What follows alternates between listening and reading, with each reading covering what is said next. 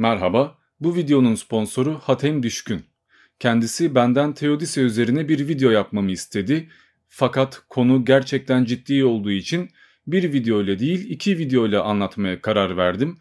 Bu videoda Teodise nedir, temel argümanlar nelerdir, Teodise yani kötülük problemi ne anlatıyor bunlardan bahsedeceğiz. Konuya bir ısınacağız. İkinci videoda ise konuya noktayı koyacağız. Öyleyse çok uzatmayayım, başlayalım. Öncelikle en temel kavramlardan başlamak ve konuyu en geniş çerçevesiyle anlamak lazım. Bu yüzden direkt Teodise ile başlayacağım. Teodise nedir? Basitçe şöyle söyleyebiliriz. Yunanca'daki theo ve dike yani tanrı ve adalet kelimelerinin bir birleşimidir.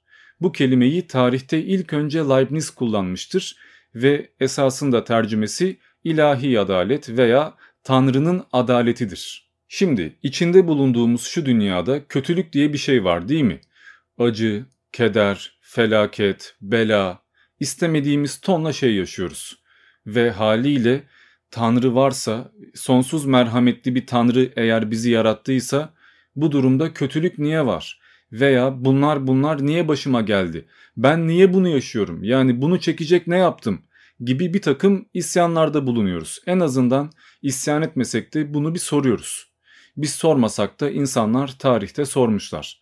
Ve bu yüzden bu soruya cevap vermek adına teodise veya kötülük problemi başlığı altında kötülüğü gerekçelendirmek adına bir takım önermeler sunulmuş. Yani işte dünyada kötülük var ama şu yüzden var. Hani Tanrı başımıza bunu gönderdi ama şu yüzden yaptı vesaire. Bu yüzden Immanuel Kant esasında Teodise'yi Tanrı'ya avukatlık yapmak, Tanrı'yı savunmak, Tanrı adına konuşmak gibi görür. Kant, Hume'dan sonra Leibniz'in Teodisesi üzerine en geniş eleştiriyi yapmış insanlardan biridir. Bu yüzden de dikkate değer bir takım argümanlar ortaya koymuştur. Hatta zaten Teodise üzerine bir makale yazmıştır. Fakat Kant yokken de hatta Leibniz ve Teodise kavramı yokken de bu problem zaten tartışılıyordu. Yani 2000 küsür yıldır ve daha fazladır insanlar zaten kötülüğü gerekçelendirmek adına veya kötülük niçin var mantığıyla bir takım şeyler söylüyorlardı. Hani bugün de diyoruz ya Allah varsa Afrika'daki çocuklar niçin açlıktan ölüyor? Allah varsa niçin savaş var, niçin şu var, niçin bu var? İşte bu konuşmalar binlerce yıldır var. Ama tabii ki filozofların argümanları bu kadar da basit değil. Bütün bu sorular kötülük problemiyle alakalı. Eğer dünyada niçin kötülük var diye soruyorsanız bu durumda kötülük problemini tartışıyorsunuz. Ama kötülük şu yüzden var, bu yüzden var diyerek bir açıklama getirmeye çalışıyorsanız bu durumda teodise yapıyorsunuz. Zaten Teodise örneklerine video boyunca değineceğim. Ama kötülük problemiyle alakalı tarihteki en meşhur alıntıyı yapmadan konuya giremem.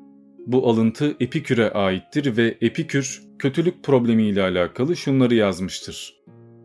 Tanrı ya kötülüğü ortadan kaldırmak istiyor da kaldıramıyor veya kaldırabiliyor ama kaldırmak istemiyor ya da ne kaldırmak istiyor ne de kaldırabiliyor yahut da hem kaldırmayı istiyor hem de kaldırabiliyor.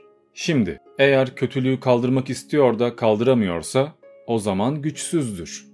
Ki bu durum Tanrı'nın karakteriyle uyuşmaz. Eğer ortadan kaldırabiliyor fakat kaldırmak istemiyorsa o zaman kötüdür. Ki bu da aynı şekilde Tanrı ile uyuşmaz. Eğer o ne kötülüğü kaldırmayı istiyor ne de kaldırabiliyorsa bu durumda o hem güçsüz hem de kötüdür.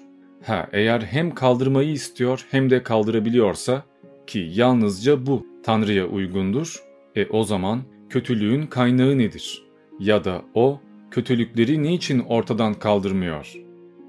Şunu söylemek lazım. Bu kötülük problemini her ne kadar ilk önce Epiküros gündeme getirmiş olsa da bunu asıl şekillendiren ve özetleyen David Hume'dur. Hume'un özeti şöyleydi. Tanrı kötülüğü önlemek istiyor da gücü mü yetmiyor? O halde o zayıftır. Gücü yetiyor da istemiyor mu? O halde kötüdür. Hem gücü yetiyor hem de önlemek mi istiyor? E o zaman kötülük nereden geliyor?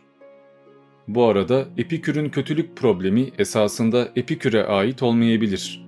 Çünkü bu sözlere ilk önce Sextus Empiricus'un Fironculuğun Esasları kitabında görüyoruz ve burada Epikür'ün adı geçmiyor.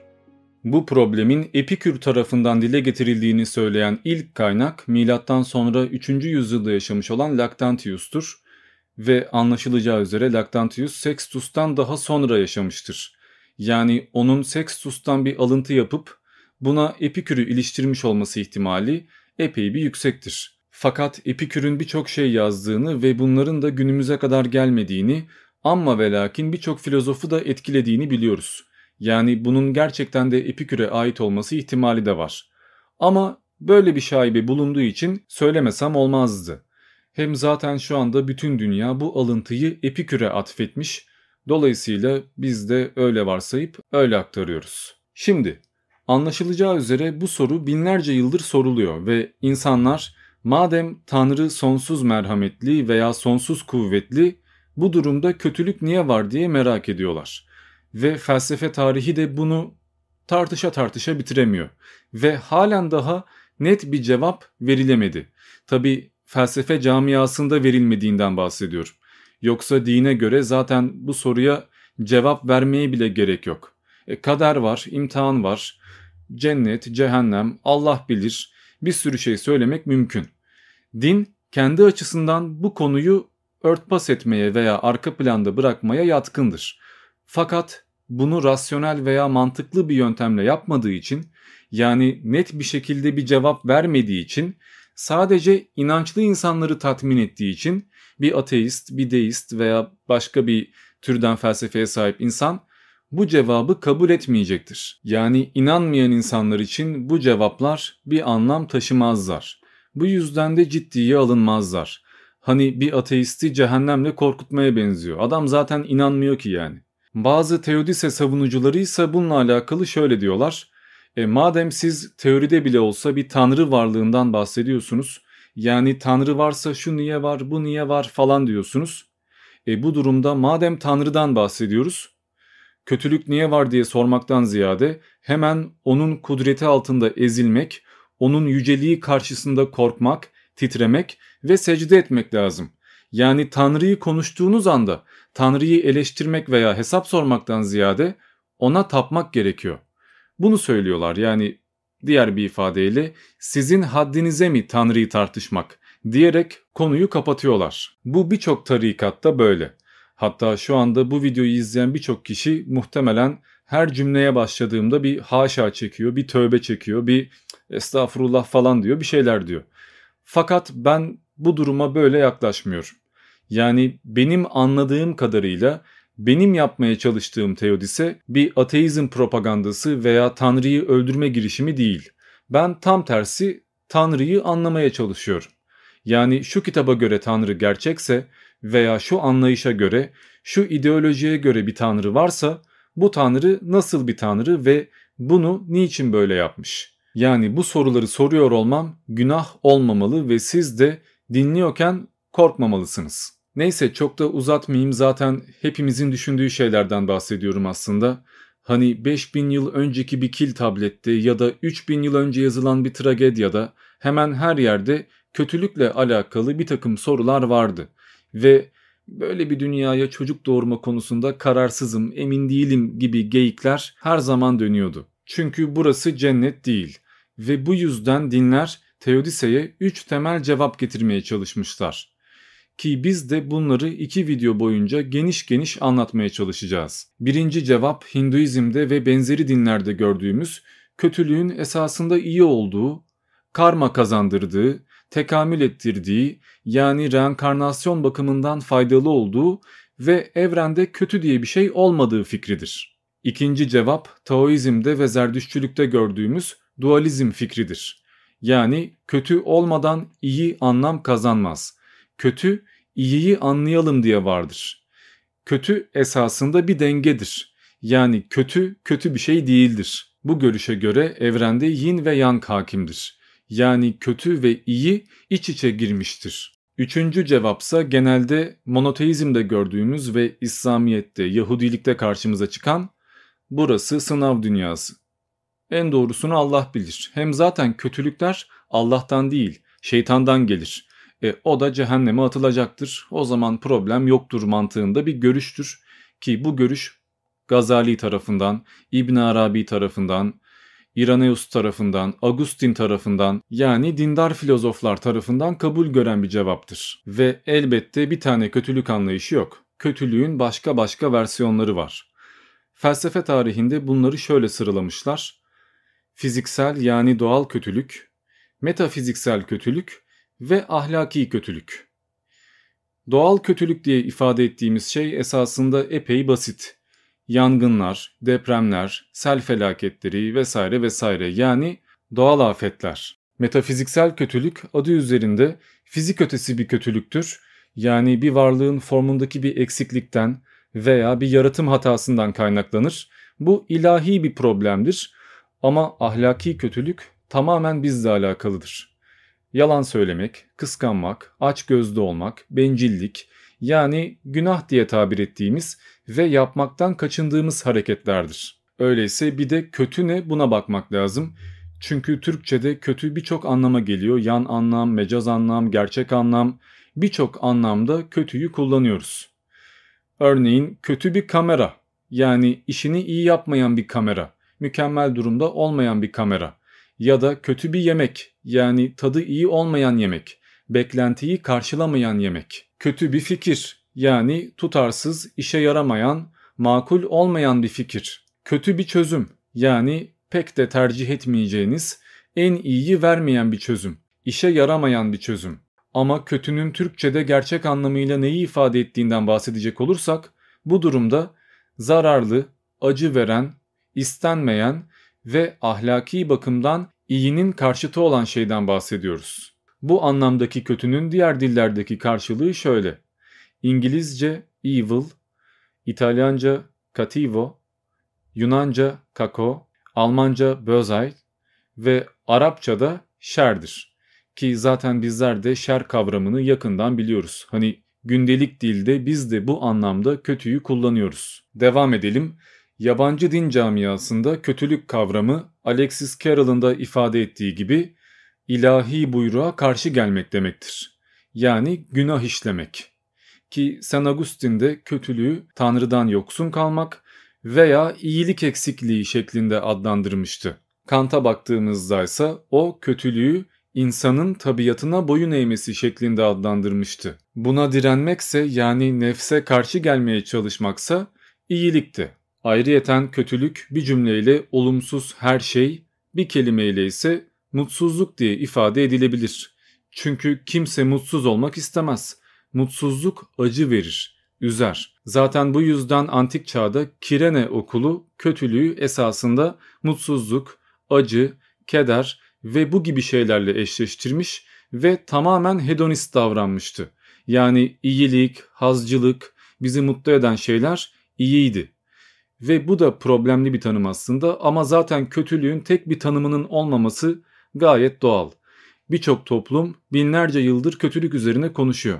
E herkes bir şeyler söylüyor. E yani bir şeyin iyi olduğunu veya kötü olduğunu söyleyenler neticede biziz. Bu yüzden de dünyaya nasıl baktığımız, olayları nasıl yorumladığımız iyinin de kötünün de ötesine geçebiliyor.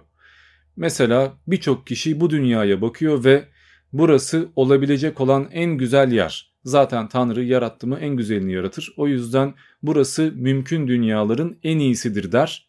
Diğer tarafsa ulan resmen cehennemde yaşıyoruz ya ne kadar kötü bir dünyada yaşıyoruz. Bu dünya olabilecek olan en kötü dünya der. Zaten bu yüzden bu konuyu iki video ile anlatmaya karar verdim. Çünkü gerçekten de konuşacak çok şey var.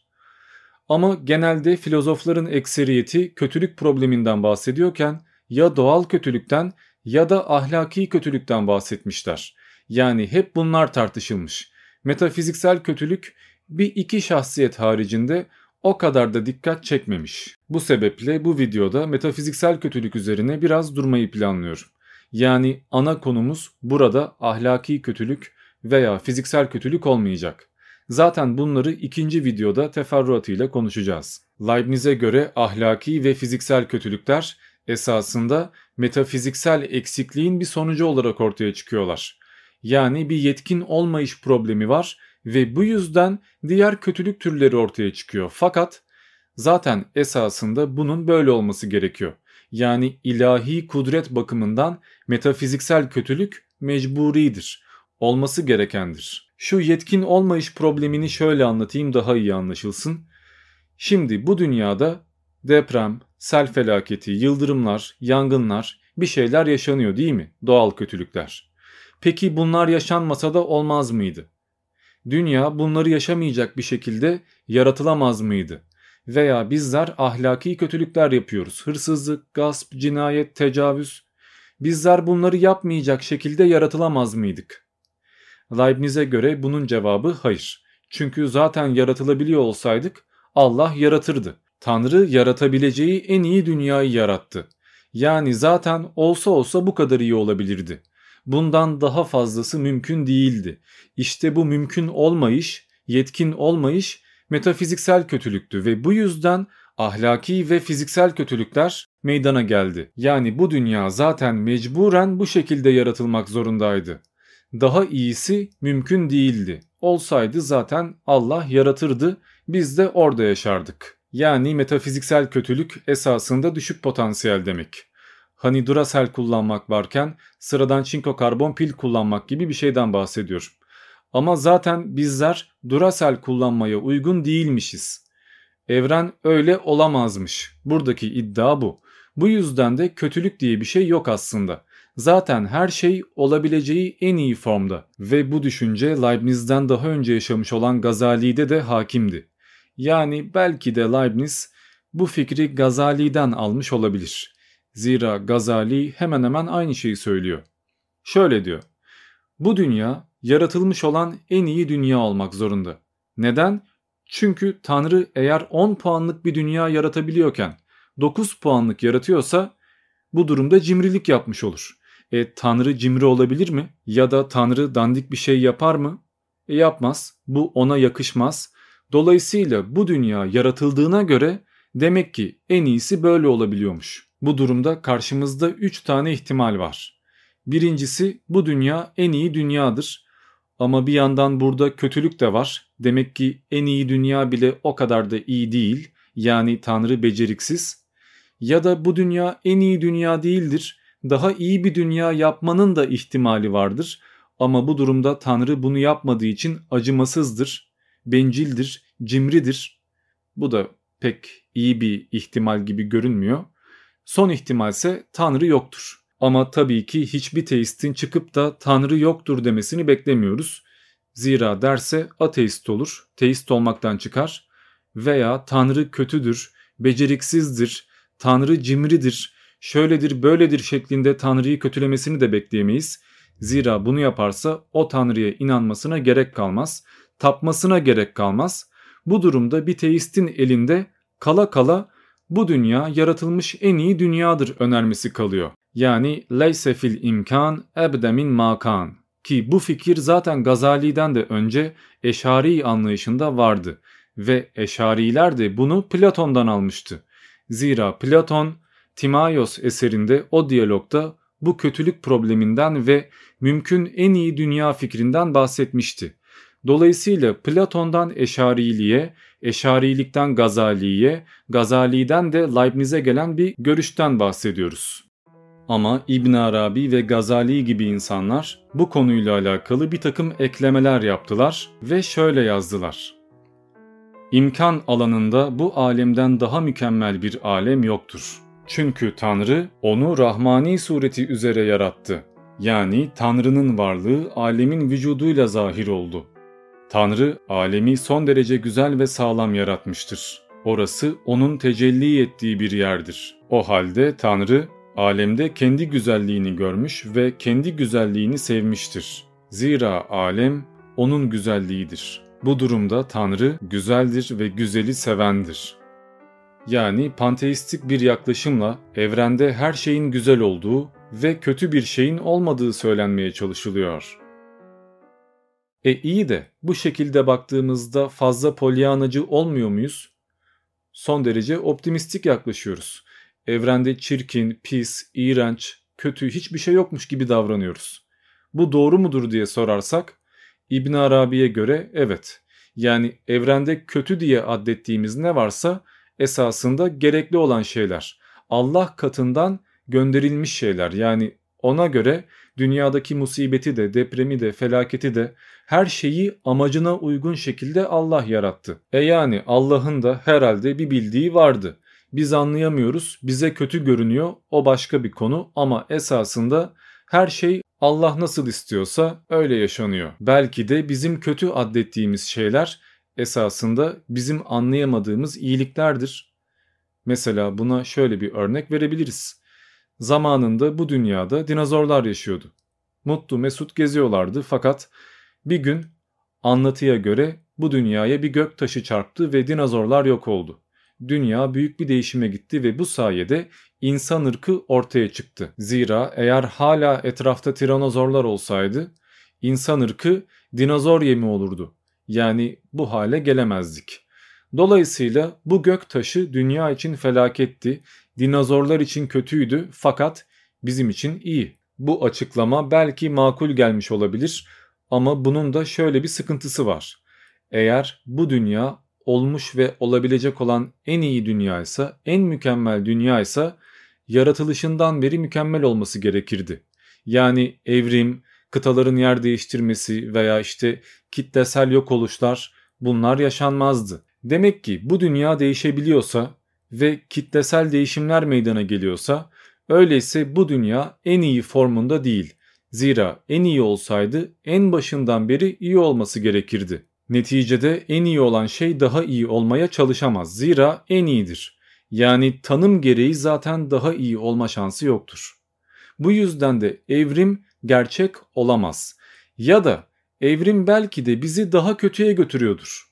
Yani iyiden ziyade eksiye doğru gidiyoruzdur fakat bu durumda yaratılış anında en iyiyken günden güne en kötüye doğru gideriz. Ki Gazali'ye göre bu durum böyle değildi. Yani ona göre gözümüz en iyi gözdü, kulağımız en iyi kulaktı ve yaratılıştan itibaren böyleydi. Dolayısıyla şu Tanrı bizi mükemmel yarattı ve değişmeye ihtiyacımız yok iddiası çoktan çürüdü. Ama tabii ki Gazali bunu bilemezdi zira adam neredeyse bin yıl önce yaşamıştı. Dolayısıyla o günkü bilim, o günkü evrim onun bu hatasını anlamasını sağlayamazdı. Fakat eğer Gazali bugün yaşıyor olsaydı muhtemelen bu iddiaya şöyle bir cevap verebilirdi. Tamam şu anda bu dünya olabilecek en iyi dünya değil. Bunu gördük eyvallah. Ama belki de bu dünya içinde olabilecek en iyi dünya olma potansiyelini barındırıyor. Yani Aristo'nun kuvve fiil muhabbetindeki gibi. Bir elma çekirdeği henüz elma değildir ama elma olma potansiyeline sahiptir. Yani ona uygun imkan sağlandığı zaman elmaya dönüşecektir. İşte belki de bu dünya şu anda en iyi dünya değil ama içinde en iyi dünya olma potansiyelini barındırıyor. Ama bunu kabul etmek demek şu anda en iyi dünyada yaşamadığımız anlamına geliyor ve bir yandan da şu andaki bütün kötülüğün sebebi esasında evrenin olgunlaşmamış olması oluyor. Yani Tanrı bizi hiç değişmeyecek ve hep en iyi olan bir evrende yaratmak yerine böyle kendi kendine büyüyecek bir evrende yaratmış ve bu yüzden de kötülük meydana gelmiş. Bu da esasında bir cimrilik, bir problem gibi görünür ama buna da şöyle bir cevap vermek mümkündür. Şu anda zamansal bir dünyada yaşıyoruz ve her saniye dünya bin defa değişiyor değil mi? Yani salise salise bir değişim meydana geliyor. Bu durumda Tanrı esasında dünyayı her saniye baştan baştan yeniden yaratıyor veya en iyi forma sokuyor olabilir. Yani dünya milyarlarca kere değişmiş olsa da her değişimde o an için en iyi değişimi seçmiştir. Dolayısıyla potansiyel bakımından zaten dünya her ne kadar değişiyor olsa da hep en iyiye doğru değişiyordur. Bu durumda dünya an be an zaten en iyi formundadır. Böyle söyleyince makul görünüyor çünkü buna benzer düşünceler bir takım tarikatlarda var. Mesela Nurcular şu anda Tanrı Big Bang'i yaptı da ondan sonra bıraktı. Domino taşı gibi her şey birbirini takip etti. Deterministik bir evrende yaşıyoruz. Her şey belli demezler. Ne derler? Tanrı an be an yaratıyor. Yani Tanrı şu anda kalbinin atmasına, kan akışının devam etmesine, nefes almana, yaprağın kıpırdamasına her şeye müdahale ediyor. Tanrı izin verdiği, şu saniye şunu yarattığı için bunu yaşıyoruz. Yani bütün evren Allah'ın her an yaratması sayesinde ayakta. Fakat bu mümkün dünyaların en iyisi önermesiyle çelişiyor. Çünkü şu anda entropi diye bir şey var değil mi? Yani evren her an daha da bozuluyor ve bir yerde evren soyacak. Bir bakıma apokalips yani kıyamet yaşanacak veya evrende hiçbir canlı kalmayacak. Bu durumda en iyinin en son versiyonu, en son varacağı yer bir bakıma yokluk evresi olacaktır. E iyi de bu durumda Allah hiçbir şey yaratmadığı anda ya da en azından Big Bang anında yani hiçbir canlı yokken zaten en iyinin en son versiyonuna varmış durumdaymış. Bu durumda biz en başa dönmek için niye bu kadar yıl uğraşıyoruz? Yani bir bakıma filmi boşuna çekmişsin. Boşu boşuna uğraşmışsın demek oluyor bu ki bunun da cevabı imtihan. Zira bu evren biz imtihan olup kendi testimizi gerçekleştirip cennete mi yoksa cehenneme mi gideceğiz bunu görmek amacıyla yaratıldı. Yani dolayısıyla bizler zaten bu dünyada fazlalığız. Ama bu durumda biz yaratılmış en üstün varlık olmuyoruz. Yani eşrefi mahlukat hikayesi çöküyor. Veya Tanrı her şeyi bizim için yaratmış olmuyor. Zira biz yokken zaten her şey daha iyiymiş. Bu açıdan cennet önermesi, imtihan önermesi esasında bir züğürt tesellisi haline geliyor ve anca kendini avutuyorsun, öyle teselli oluyorsun. Bu arada nasıl ki bazı insanlar bu dünyanın olabilecek en iyi dünya olduğuna inandıysa, bazı insanlar da bu dünyanın en kötü dünya olduğuna inandılar. Örneğin Schopenhauer'e göre bu dünya mümkün dünyaların en kötüsüydü. Zira kötülük öyle bir raddeye çekilmiş ki ne bizi öldürüyor ne de yaşamamızı engelliyor. Hatta kötülük öyle hassas ayarlanmış ki dünya birazcık daha kötü olsaydı her şey yok olacaktı. Ama biz maalesef kötülüğe hapsolmuş ve içinden çıkamayacağımız ölçüde kötülüğe maruz kalmış durumdayız. Hem her şey kötü, her şey rezalet, her şey berbat, herkes iğrenç hem de hayatta kalmaya devam ediyoruz. Yani kurtulamıyoruz. Açlık var, savaşlar var, cinayet var, tecavüz var, var oğlu var. Resmen cehennemi bu dünyada yaşıyoruz. Veya uzak doğu anlayışına göre duka dediğimiz bir olgu vardır ve dukaya göre sevmek acı, sevdiğinden ayrı kalmak acı, sevmediğinle bir araya gelmek acı, doğmak acı, büyümek acı, yaşlanmak acı, hastalık acı, ölmek acı, her şey acı yani varsa yoksa bu dünya acıdan ibaret. Ama ben bu görüşe katılmıyorum çünkü bana biraz fazla karamsar geliyor. Hani bu dünya mükemmeldir, en iyi dünyadır, oh falan çekmek ne kadar polyanacılıksa, ne kadar irrasyonelse, aynı şekilde burası rezalet, cehennemde yaşıyoruz hü diye ağlamak bir o kadar ergence. Her şeyden önce bu insanlar dünyada kötülüğün baskın olduğuna inanmışlar. Ve bu tamamen kişisel bir şey. Yani elimizde evrensel bir ölçek, bir terazi bir şey yok ki. İyi mi fazla, kötü mü fazla bunu çözelim. Elimizde bunu evrensel ölçekte bize gösterecek hiçbir yöntem yok. Sadece sizin hayatınız kötü gidiyorsa her şey kötü, siz mutlu mesut yaşıyorsanız her şey güzel. Yani kendi algınızdan ibaret ve bütün evreni, bütün gezegenleri, bütün doğayı, her şeyi bilmiyoruz. Dolayısıyla bu dünyada belki kötülük fazla ama başka bir dünyada belki de iyilik fazladır. Dolayısıyla eğer kötülükten ve iyilikten bahsedeceksek Anca bu dünya hakkında bundan bahsedebiliriz. Yani evrensel bir şeyden bahsetmek mümkün değil. Ve bu da bizi en başındaki e, madem Allah var Afrika'daki çocuklar niçin açlıktan ölüyor sorusuna getiriyor. Ki bunun da cevabı en basit ifadesiyle söylemek gerekiyorsa çünkü insanlar mal. Neticede dünyada hepimize yetecek kadar yiyecek var değil mi? Ama bunu aramızda iyi bölüştüremiyoruz. Afrika'da millet 10 kilo geziyorken Amerika'da herkes 150 kilo geziyor. Ya da mutlu mesut yaşayamıyoruz. İlla savaşmak zorundayız. İlla kapışmak zorundayız. İlla problem yaratmak zorundayız. Tamam dünyada fakirlik var. Doğru. Ama bunun sorumlusu biziz. Yani dünyadaki en zengin 10 adamı toplayın. Kalan bütün nüfusa yetecek kadar paraları vardır. Bu arada öyle işte insanlar açlıktan ölüyor, dünyada sefalet, fakirlik, eziyet yüksek demek doğru olmaz. Çünkü Afrika'daki bütün çocuklar açlıktan ölmüyor. Orada öyle bir azınlık var. Bir iki tane fotoğraf paylaşılmış, öyle bir imaj yaratılmış. Yani Afrika'daki çocuklar için gönderilen yardım paralarına baktığınızda adamlar neredeyse bizden daha zengin.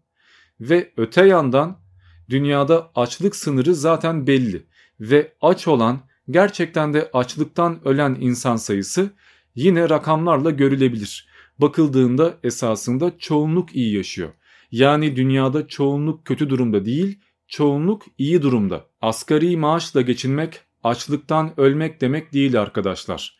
Kötü durumda olmak demek, fakir olmak demek evet ama propaganda yapmaya da gerek yok bence. Bu yüzden dünyada büyük çoğunluk açlıktan ölmüyor. Dünyada büyük çoğunluk millet açlıktan ölüyor mantığıyla propaganda yapıyor.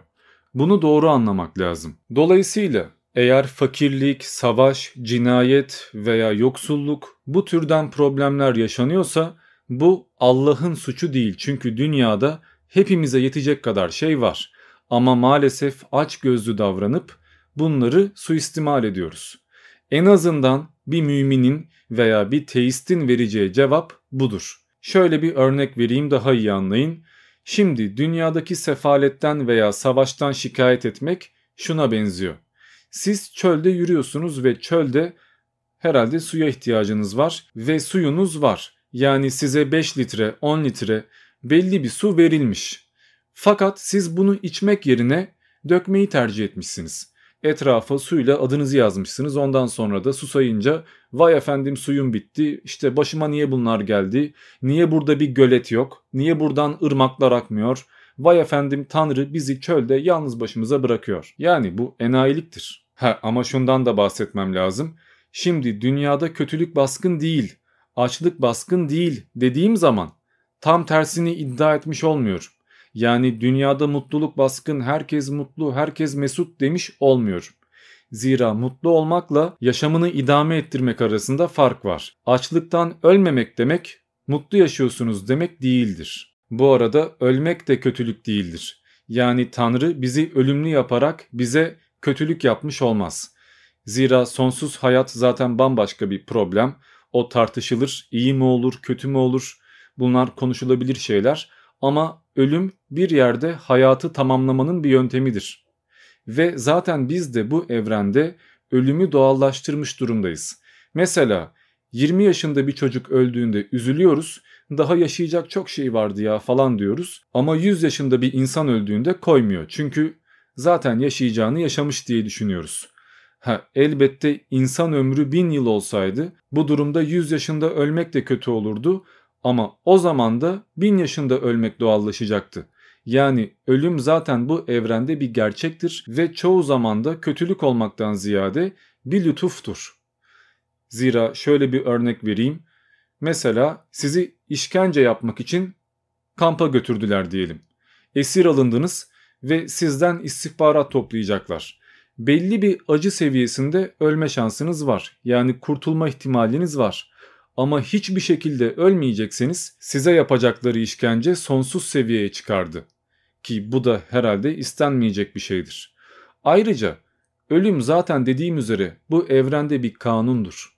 Nasıl ki yer çekimi veya işte ne bileyim oksijen bir şeyler şu anda bize kötü gelmiyorsa bir dengeyi sağlıyorlarsa ölüm de dengeyi sağlar. Sadece ölüme nasıl yaklaştığınız veya nasıl bir ölümle karşılaştığınız bakış açınızı değiştirir. Yani burada olay subjektiftir. Şöyle söyleyeyim, birisi kanser olduğunda buna iki yönle yaklaşmak mümkündür. Birinci yön tıbbi yöndür. İşte bu adam ne yemiş, neyle beslenmiş, ne tür gıdalara maruz kalmış veya genetik bir sıkıntı mı var acaba annesinde, babasında, genlerinde yani zaten olacağı mı varmış ve bunu nasıl çözeriz? Bu birinci yöndür. İkinci yönse ilahi adalet gözünden bakmaktır. Yani bu niçin benim başıma geldi? Neden bununla karşı karşıya kaldım? Başkasına gitse olmaz mıydı? Niye ben kanser oldum? Allah'ım benden ne istiyorsun ya Rabbi falan diye çıldırmaktır yani. Yani buradan anlamak gereken şey şu. Kötülük bizim atfettiğimiz bir şey. Gerçekte kötülük diye nesnel bir şey yok. Bu sebeple olan olaylar değil, bunların sebep olduğu acı, keder ve onlar hakkındaki yorumlar kötülük diye adlandırılır. Mesela bugün bir yerde bir deprem olduğunda insanlar bununla alakalı şöyle bir yorum yapıyorlar değil mi? Orada çok fazla günahkar vardı. Allah da uyarı olsun diye deprem gönderdi. Bu hem bir imtihandı hem de biz ibret alacağız diye yapılan bir şeydi. Bakın burada deprem jeolojik bir şeydir. Hiçbir olayı yoktur aslında. Teleolojik bir şey bulmak saçmadır. Ama bir mümin buna bu gözle bakabilir. Ve illa da bu gözle bakacaksak size mükemmel bir örnek gösterebilirim. 1 Kasım 1755'te Lisbon şehrinde sabah 9'u 40 geçe tam da Hristiyanlar için kutsal bir gün olan Azizler gününde ve tam da tapınma saatinde 9 nokta şiddetinde bir deprem yaşanmıştı. Yani bütün insanların kiliseye toplandığı anda o şehrin gördüğü en büyük deprem meydana gelmişti ve insanlar enkaz altında ölmüştü. Sanki birisi Allah'a savaş açmış gibi. Yani insanlar ibadet yapmaya geliyorlar ve başlarına gelmedik kalmıyor. Yine benzer bir örnek 13 Mart 1992'de Erzincan'da meydana geldi. Tam da Ramazan ayında ve insanların tam da ibadetle meşgul olduğu bir zamanda bir deprem yaşandı. Şimdi bu depremler eğer çölde yaşansaydı veya çorak bir arazide kimsenin olmadığı bir ortamda meydana gelselerdi bunlardan facia, felaket veya kötülük diye bahsedemezdik. Ama bu bizi etkilediği için bize göre kötüydü. Ya da Aziz Agustin gibi bazı insanların söylediği üzere bir imtihandı. Bir ibret vasıtasıydı. Ki bu da problemli bir yaklaşım zira hiç deprem yaşanmayan şehirler var. Hiç fay hattı geçmeyen ortamlar var. Yani bu türden bir imtihanla karşı karşıya kalmayacak ve tarih boyunca da kalmamış tonla insan var. Şimdi bu insanlar komple günahsız mı? Ya da Allah orada bir deprem yaratacak kadar kuvvet sahibi değil mi? İlla da fay hattı mı yollaması lazım? Ya da 500 yıl önce bebek ölümleri epey bir yaygındı veya bir hastalık çıktığında dünya paramparça oluyordu. O dönemde bunlar musibetti, ibret vasıtasıydı ve insanlar iman ediyordu. Şimdi ise öyle bir problem yok. Bir aşıyla herhangi bir yöntemle bebek ölümlerini büyük ölçekte yok ediyoruz.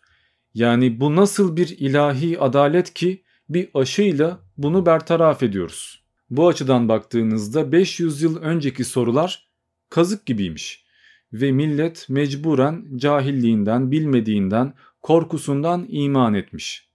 Şimdiki sorularsa cacık gibi kimse ciddiye almıyor. Zira kutsal kitaplarda yazanlar bilimle örtüşmüyor. Şimdiki imtihan bir iman testine döndü. Yani felaketlerle, mucizelerle veya herhangi bir dış etkiyle imtihana müdahale edilmiyor. Şu anda size hayatınız boyunca 2 artı 2 eşittir 4 diye öğretiyorlar ve din sizden 7'yi işaretlemenizi bekliyor. Yani öğrendiğiniz şeyin tam tersini söylemenizi istiyor. Bakalım söyleyecek misiniz? Aklınıza, mantığınıza, bilime, her şeye ters olsa bile doğrusu budur Allah bilir diyerek bakalım sorgulamayı bırakacak mısınız? Ki bunu zaten dini hikayelerde görüyoruz.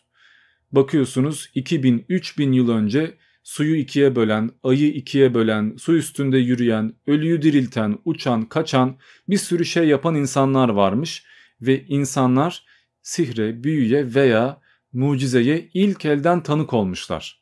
Bizlerse kimseyi görmüyoruz ancak hikayeler var ve bu hikayeler de fizikle, kimyayla hemen her şeyle tamamen çelişiyor. Veya başka bir açıdan bakalım ve diyelim ki tamam gerçekten de bu dünyadaki bütün kötülükler biz ibret alacağız diye varlar. Okey. E iyi de Hitler 5 milyon kişiyi öldürmeseydi ibret alamayacak mıydık? Yani 3 milyon veya 1 milyon kişi ölseydi yetmeyecek miydi? İlla da 5 milyon kişi mi ölmek zorundaydı? Eğer biz 5 milyondan daha azıyla ibret alamıyorsak bu durumda Tanrı bizi 1 milyon ölümle de ibret alacak şekilde yaratabilirdi. Yani illa da 5 milyon kişi ölmek zorunda değildi. Bunun da cevabı muallak. Çünkü belki de öyle yaratmıştır. Nereden bileceğiz? Belki de bizler 100 milyon kişi ölmeden ibret alamayacak kadar kötüydük ama Tanrı merhamet etti ve 5 milyonla bunu bıraktı. Yani bir dindar buna her türlü kaçamak cevaplar verebilir ve bunu da rasyonel bir şekilde eleştirmek veya çürütmek mümkün değildir. Ama şunu sormakta bir problem yok. Tamam, diyelim ki gerçekten de biz ibret alacağız. Her şey bu yüzden. E, ölenler, adamlar öldü yani alacak bir ibret kalmadı. Arkadaşlar, insan bir yere kadar ibret alır. Bir yerden sonra zaten ölür. Bunu kaldıramaz. Veya hayatta kalsa bile bunu anlayamaz. Kafa gider. Yani belli bir aşamadan sonraki kötülük esasında hem israftır hem de zorbalıktır. Yani bu gerçek anlamda kötülük olur. Buna saf kötülük ya da nihai kötülük diğer bir ifadesiyle radikal kötülük derler. Ki Tanrı zaten bunlarla alakalı birkaç tane örneği bize direkt kendisi verdi. Yani Tanrı zaten yeri geldiğinde iyilik amacıyla kötülük yaptı. Mesela Lut kavmini helak etti. Yetmedi, Nuh tufanı gönderdi. 3-5 kişi haricinde bütün insanları mahvetti. Ve yetmedi ardından Firavun soyuna yedi felaket işte bilmem ne bir sürü şey yaptı. Ki esasında zaten bunlar da bir yerde hile. Zira sen şeytanla bir yarışa giriyorsun. Şeytan tüm insanları saptıracağını söylüyor. Sen de yo saptıramazsın diyorsun ve hodri meydan diyerek bir olaya başlıyorsunuz. Bu esnada bizler dünyaya gönderiliyoruz ve doğru yoldan mı gideceğiz işte kötü yola mı sapacağız bunları görüyoruz. Ama bu esnada sen bir kavmi komple helak ediyorsun çünkü bir kavim komple sapmış. Veya bütün insanları yok ediyorsun çünkü bütün insanlar 3-5 kişi işte Nuh ve ailesi hariç yoldan çıkmış. Yani bu demek oluyor ki zaten şeytan kazanmış. Adam iddiayı kazanmaya ramak kalmış, ucuna gelmiş ve hile yapmışsın. En başından başlatmışsın. Bu durumda şunu sorman lazım. Yani ne yaparsan yap o kadar ibrete, o kadar felakete rağmen her seferinde yoldan çıktıysak acaba problem bizde değil de sende mi? Belki de yanlış yaratmışsındır. Dolayısıyla sırf biz ibret alacağız diye o kadar insanın ölmesi, eziyet çekmesi veya bir takım felaketlerin yaşanması pek de makul görünmüyor. Ki bundan daha büyük problemler de var. Sakat doğan bebekler, işte kör ve sağır yaşayanlar, sırf anası babası ibret alacak diye hayatı boyunca eziyet çeken insanlar, bir sürü olaylar var. Ki buna da mutezile gibi bir takım akımlar şöyle cevap veriyorlar. O insanlar öldüğünde ahirette cenneti alacak. Yani burada kaybediyor eyvallah ama öldüğünde zaten kazanacak. Dolayısıyla şuradaki 60 yılda 70 yılda çektiği eziyet çok da önemli değil ya. Adam sonsuza kadar aklının almayacağı kadar uzun bir süre boyunca zaten huriler onlar bunlar takılacak. Hem zaten Bakara 155'te ve birçok ayette biz sizi hem iyilikle hem de kötülükle imtihana uğratacağız şeklinde bir takım ifadeler var. Yani bu türden kötülükler sorgulanmaya açık değiller. Zaten bunlar Allah'ın planı. İyi de yani bunu söyleyince yine aynı kapıya çıkıyor. Allah'a inanmıyorsan veya Kur'an'a inanmıyorsan hiçbir cevap almış olmuyorsun. Zira burada problem daha da büyüyor. Bu sefer ben de sakatta olsaydım veya ben de bebekken ölseydim ve hemen cennete gitseydim. Madem öyle ben niye burada doğdum? Ben niye bunlarla karşılaştım? Ben niye cehenneme gidebileceğim bir imtihanla karşı karşıya kaldım diye soruyorsunuz. Yani ben şu anda hanginize %100 cennet versem kolunuzu, bacağınızı, bir şeyinizi bırakırdınız değil mi? Bu durumda bu bize haksızlıktır. İşte bu türden bir ikilemle karşı karşıya kaldığınızda genelde teizm camiası şöyle bir argüman getiriyor. Kötü sana göre kötü. Yani sen cüz'i iradenle külli iradeye karşı geliyorsun. Sana göre belki de bunlar şu an için kötü olabilir ama ileride iyiliğe sebebiyet verebilirler. Yani sen şu anda iyiyi ve kötüyü anlayamayacağın için sorgulama, düşünme. Bu konuda Allah'a karşı gelme. Boşu boşuna günaha girme. Zira ona bizim aklımız ermez. Dolayısıyla bu şekilde içinden çıkamadığınız bir takım zorlu argümanlara geldiğinizde ya kötülük kötülük olmaktan çıkacak ya da onu biz anlamayız Allah bilir diyerek sorgulamayı bırakacaksınız. Kötülüğü güldeki diken diye ifade eden İbn Sina'ya göre Durum şöyledir. Kötülük ya mutlak kötülüktür ya da kötülük iyilikten fazladır. Ya da iyilik ve kötülük eşittir. Lakin bu son ikisi var değildir. Çünkü az iyiliğin olması için pek çok kötülüğü kabullenmek pek çok kötülük demektir. Mutlak kötülüğe gelince onun varlığı imkansızdır. Zaten hikmet de onun yaratılmasını gerektirmez. Özetle İbn Sina var olan her şeyin olması gerektiği gibi olduğunu iddia eder. Bu yüzden de evrende tam bir düzen vardır ve bu düzen kötülüğün de iyilikle beraber var olmasını gerektirir. Yani kötülük dengeyi sağlar. Yani İbn Sina bu konuda fazla düşünmemiş ve dualizmde kalmış. Ama Kelami Teodiseye göre durum biraz daha çetrefilli. Kelami Teodise bu konuyu 3 soruyla ele alıyor. 1. Allah kötülük yapabilir mi? 2. Yapabilirse yapar mı? 3. Yaparsa niye? Yapmazsa niye? Burayı fazla uzatmayacağım çünkü verilen cevaplar genelde video başından beri konuştuğumuz şeylerle aynı. Yani benzer şeyleri söylüyorlar ve tekrara düşmek istemiyorum. Ama Kelami Teodise konuyu şöyle tatlıya bağlıyor. Diyor ki, Tanrı kötülük yapmaz, yapamaz. Tanrı sadece iyilik yapar. Yaptığı ne varsa iyidir. Ama bizler bazı iyiliği kötülük zannederiz ve durumu yanlış değerlendiririz. Halbuki evrende sadece iki tür varlık var. Bir, yaratılış gayesi sadece iyilik olanlar yani bir tek iyi olabilenler. İki, iyi olan ama bazı durumlarda kötü gibi görünebilenler. Mesela ateş iyi bir şeydir. Bizi vahşi hayvanlardan korur, yemeğimizi ısıtır ve üşüdüğümüzde bizi sıcak tutar. Ama ateş yeri geldiğinde yanlış kullanıldığında ormanı yakar, insanı öldürür. Yani fazlası ölümcül olabilir. Ya da daha güncel bir örnek bulayım. Mesela şu anda her gün trafik kazası yaşanıyor değil mi? İnsanlar arabalar yüzünden her gün ölüyor ama arabalar öte yandan epey faydalı. Hatta mükemmel bir ulaşım aracı. Yani eşekle bir ay boyunca köyden köye gitmeye gerek kalmadı. Fakat arabayı doğru kullanmadığınızda ya da bir takım kuralları ihlal ettiğinizde bir cinayete sebebiyet verebilir. Yani iyi ve kötü izafidir, görecelidir. Tıpkı Protagoras'ın dediği gibi insan olan ve olmayan her şeyin ölçüsüdür. Bu yüzden tasavvuf ehli genelde Mevla ne eylerse güzel eyler diyerek veya yaratılanı severiz yaratandan ötürü mantığıyla ya da çileci gibi başına ne geliyorsa bu da imtihandır sabretmek lazım diyerek bir şekilde kötülüğe katlanmayı öğrenmiştir. Dolayısıyla hayata iyi tarafından bakmak, zevk almaya çalışmak, yediğiniz güzel bir yemekten bile keyif almak, bir manzaraya bakmak, bir hayvandan, bir kuşun ötmesinden bile haz almak ve evrendeki iyi şeylere odaklanmak lazım. Kötüye bakarsanız her şey kötü gelir. Din mantığı böyle söyler. Ki bu da bir bakıma kötülük problemine bir çözüm getirilemediğini göstermiş oluyor zaten. Bu mantığı İraneus'ta, Agustin'de, İhvan-ı Safa'da, Farabi'de yani dini teodiseyle uğraşan herkeste görebiliyoruz. Genelde bu insanlar ya kötülüğü bize vermişler yani her şey bizim yüzümüzden oluyor demişler ya da kötülüğü Tanrı'dan olabildiğince uzaklaştırmışlar. Sonunda da işte kötülük olmadan iyilik olmaz.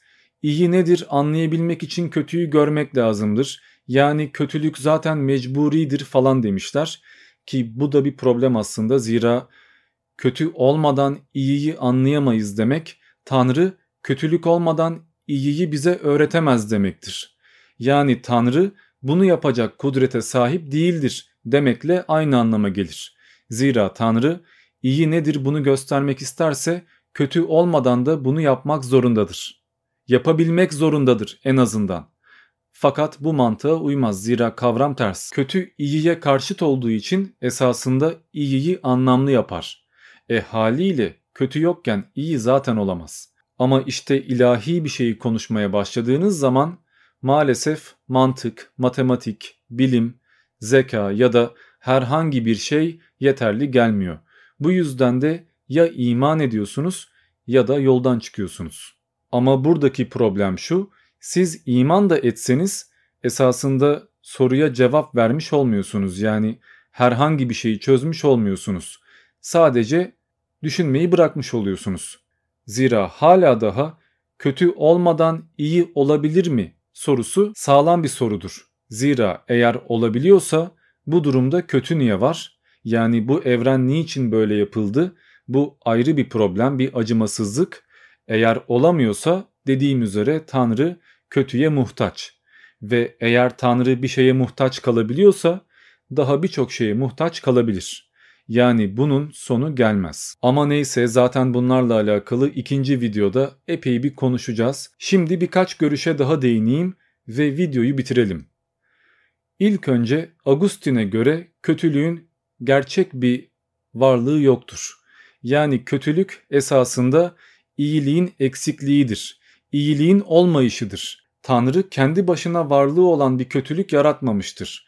Zira Tanrı başlı başına iyiliktir ve komple iyi olan bir varlıktan iyi bir şey çıkar. Yani kötülük diye bir şey varsa bile bunun Tanrı ile alakası yoktur. Ki Platon da zaten böyle söyler. Ona göre Tanrı kötülükle bağdaşamaz. Eğer kötü diye bir şey varsa bu durumda kötüyü atfedecek başka bir varlık lazımdır. Ama bunu söylemek bir yandan Tanrı kötülük üzerinde hiçbir hükme sahip değil. Tanrı kötülükle hiçbir şekilde bağdaşmıyor, hiçbir şekilde kötülükle ilgilenmiyor ya da kontrol sahibi olamıyor ve Tanrı kötülüğü ne engelleyebiliyor ne de yaratabiliyor demektir. Yani Tanrı'yı yine ufaltmaktır. Bu türden bir Tanrı kötülük eksikliğine sahiptir. Şu kötülüğün esasında kendi başına bir varlık olmadığı ve iyiliğin eksikliği olduğuyla alakalı Agustin şöyle bir örnek veriyor. Mesela sağır olmak. Sağır olmak kendi başına bir varlık değil. Tam tersi duymanın eksikliği. Esasında kulak gayet iyi bir organ ama bazen kulağın iyi çalışmaz, işini iyi yapmaz veya duyma eksikliği vardır. Bu durumda sağırlık meydana gelir. Veya körlük. Aynı şey. Gözün esasında iyi bir nimet, bir iyilik, görmek kendi başına bir varlık ama görme eksikliği, görememek, gözün iyi çalışmaması körlüğe sebebiyet verir. İşte bu kafayla baktığınızda dokunabilmek, el kol sahibi olmak, nefes almak, yemek yemek, zevk almak bir sürü şey iyiliktir. Esasında Tanrı bizi iyilikle donatmıştır. Bize her türlü şeyi vermiştir. Ama bazen bunlar eksilebilir ki bunun da bizim anlayamadığımız ölçüde imtihan veya ibret almak gibi bir takım sebebiyetleri vardır. Yani hiçbir şey boşu boşuna olmaz. Ve İslami mantıkla söylersek her hayırda bir şer, her şerde bir hayır yatar. Her neyse bence bu videoda epey sağlam bir giriş yaptık. Birçok şeyi öğrendik.